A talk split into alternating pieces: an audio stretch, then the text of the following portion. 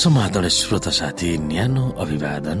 म उही तपाईँहरूका आफ्नै मित्र दहनलाल राईको श्रोता साथी। आज म तपाईँको बीचमा बाइबल सन्देश लिएर आएको छु। आजको बाइबल सन्देशको शीर्षक रहेको छ खराब दिनहरू।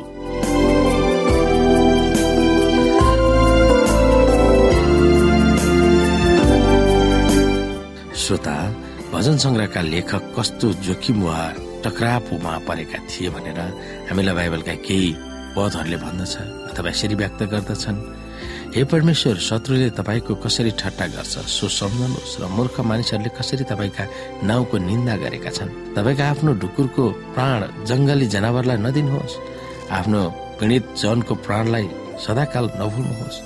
तपाईँका करारको मर्यादा कायम राख्नुहोस् किनकि देशका अध्यारा ठाउँहरू हिंसाले भरिएका छन्। थिचोमिचोमा परेकाहरू शर्ममा पछि नहटुन्। दुखी र दरिद्रहरूले तपाईँका नाउँको प्रशंसा गरून्। हे परमेश्वर उठ्नुहोस् र आफ्नो पक्षको विषयलाई सम्हाल्नुहोस्। मूर्ख मानिसहरूले कसरी दिनभरि तपाईँको ठट्टा गरिरहेका छन् सो सम्झनुहोस्।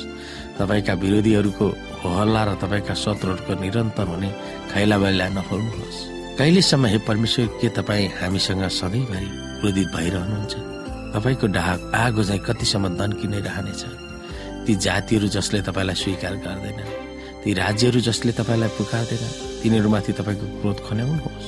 किनभने तिनीहरूले याकुबलाई निलेका छन् अनि तिनको वासस्थान उजाड पारेका छन्। हाम्रा पुर्खाहरूका पापको लेखा हामीहरूसँग नलिनुहोस्। तपाईँको कृपा हामीलाई चाँडै उपलब्ध होस् किनकि हामी साह्रै खाँचोमा छौँ। हामीलाई उद्धार गर्ने हे परमेश्वर तपाईँको नाउँको महिमाको निम्ति हामीलाई सहायता गर्नुहोस्। आफ्नो नाउँको खातिर हामीलाई छुटाउनुहोस् र हाम्रा पाप क्षमा गर्नुहोस्। तिनीहरूका परमेश्वर कहाँ छन् भनी जातिहरूले किन भन्नु? हाम्रै आँखाको अघि तपाईँका दासहरूका बगाएका रगतको बदला तपाईँ लिनुहुन्छ भने जाति जातिहरूलाई थाहा होस्। कैदीहरूको करुणा क्रन्दन तपाईँको सामु होस्। तपाईँको बाहुलीको शक्तिद्वारा मृत्युदण्ड परिकारको रक्षा गर्नुहोस्।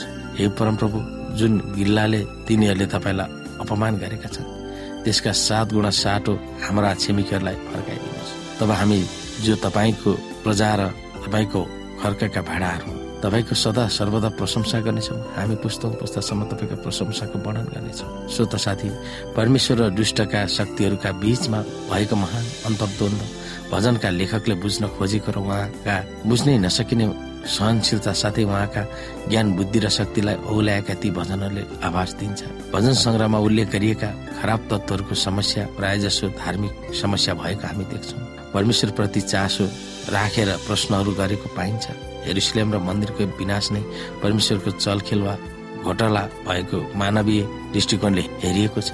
अनिश्वरवादीहरूले परमेश्वरप्रति निन्दा गर्ने अवसर उहाँले नै उपलब्ध गराउनु भएको थियो भनेर भजनका लेखकले व्यक्त गर्न खोजेको पाइन्छ। इजरायलीहरू परमेश्वरका आफ्ना सम्पत्ति हुन् भनेर रोज्नु भएकोले उहाँले तिनीहरूलाई अगुवाई गर्नु भएको थियो र तिनीहरूसँग करार बाँध्नु भएको थियो। व्यवस्था चार अध्यायको बत्तीसदेखि अडतिस व्यवस्था बत्तीस अध्यायको आठ र नौ। यो करार उहाँका जनहरू हुनुमा उहाँकै हात भएकोले तिनीहरू असफल नहुने प्रावधान बनाइएको थियो।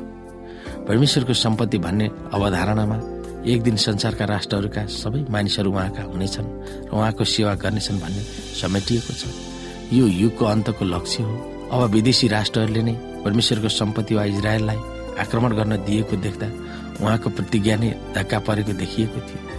इजरायलीहरूका आफ्नै पापहरूका कारण परमेश्वरले बाँध्नु भएको कारण भ्रष्ट भएको थियो र त्यसको नतिजा तिनीहरूले भोग्नु परेको कुरालाई भजनका लेखकहरूले स्वीकारेको पाइन्छ। परमेश्वरको अनुग्रहको हस्तक्षेपले मात्र मानिसहरूको जीवन बच्न सकिन्थ्यो र करारको सम्बन्धको नवीकरण गर्न सकिन्थ्यो। तर त्यो पापको प्रायश्चितको प्रक्रियाबाट पुरा हुन्थ्यो। परमेश्वर हाम्रा मुक्ति हुनुहुन्छ भन्ने वचनले हाम्रा करारप्रति परमेश्वर वफादारी भएको जनाउँछ।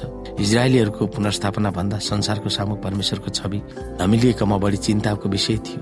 यदि राष्ट्रहरूका खराब कामहरू र भ्रष्टाचारहरूलाई छुट्ने दिइरहेको भए परमेश्वरको शक्ति निर भएको देखिन्छ। जब परमेश्वरले उहाँका जनहरूलाई उद्धार गर्नुहुन्छ तब मात्र उहाँको नाउँ उच्च हुनेछ र उहाँको इज्जत थामिनेछ। उहाँ न्यायचित हुनुहुन्छ भनेर त्यसले मात्र देखाउँछ। यो नीति पौराणिक इजरायलीहरूको निम्ति मात्र नभएर अहिले पनि लागू हुन्छ। हामी इसाई भनेर दावी गर्छौँ तर बत्तिसमाको बेलामा क्रिया खाएका प्रतिबद्धतामा चुकेर बस्यौँ। पापमा फसिरह्यौँ। परमेश्वरलाई विश्वास गर्नुबाट पछि हटेर बस्यौँ र खराब तत्त्वलाई पोसाइराख्यौँ भने हाम्रो नाउँलाई मात्र होइन। परमेश्वरको नाउँलाई समेत हिलो फ्याँकिरहेका हुन्छौँ। इसाई हुँ भनेर दावी त गर्ने तर यसुको भावनामा नचल्दा हामीले नै परमेश्वरको बेज्जत गरिरहेका हुन्छौँ। योभन्दा खराब अरू के हुन सक्छ?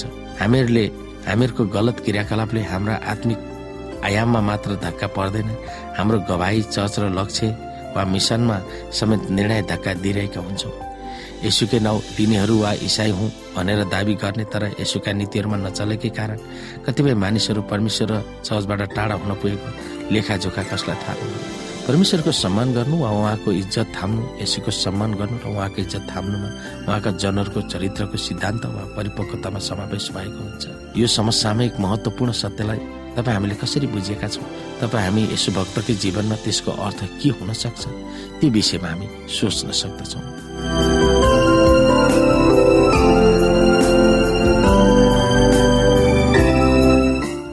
साथी आजको लागि बाइबल सन्देश यति नै।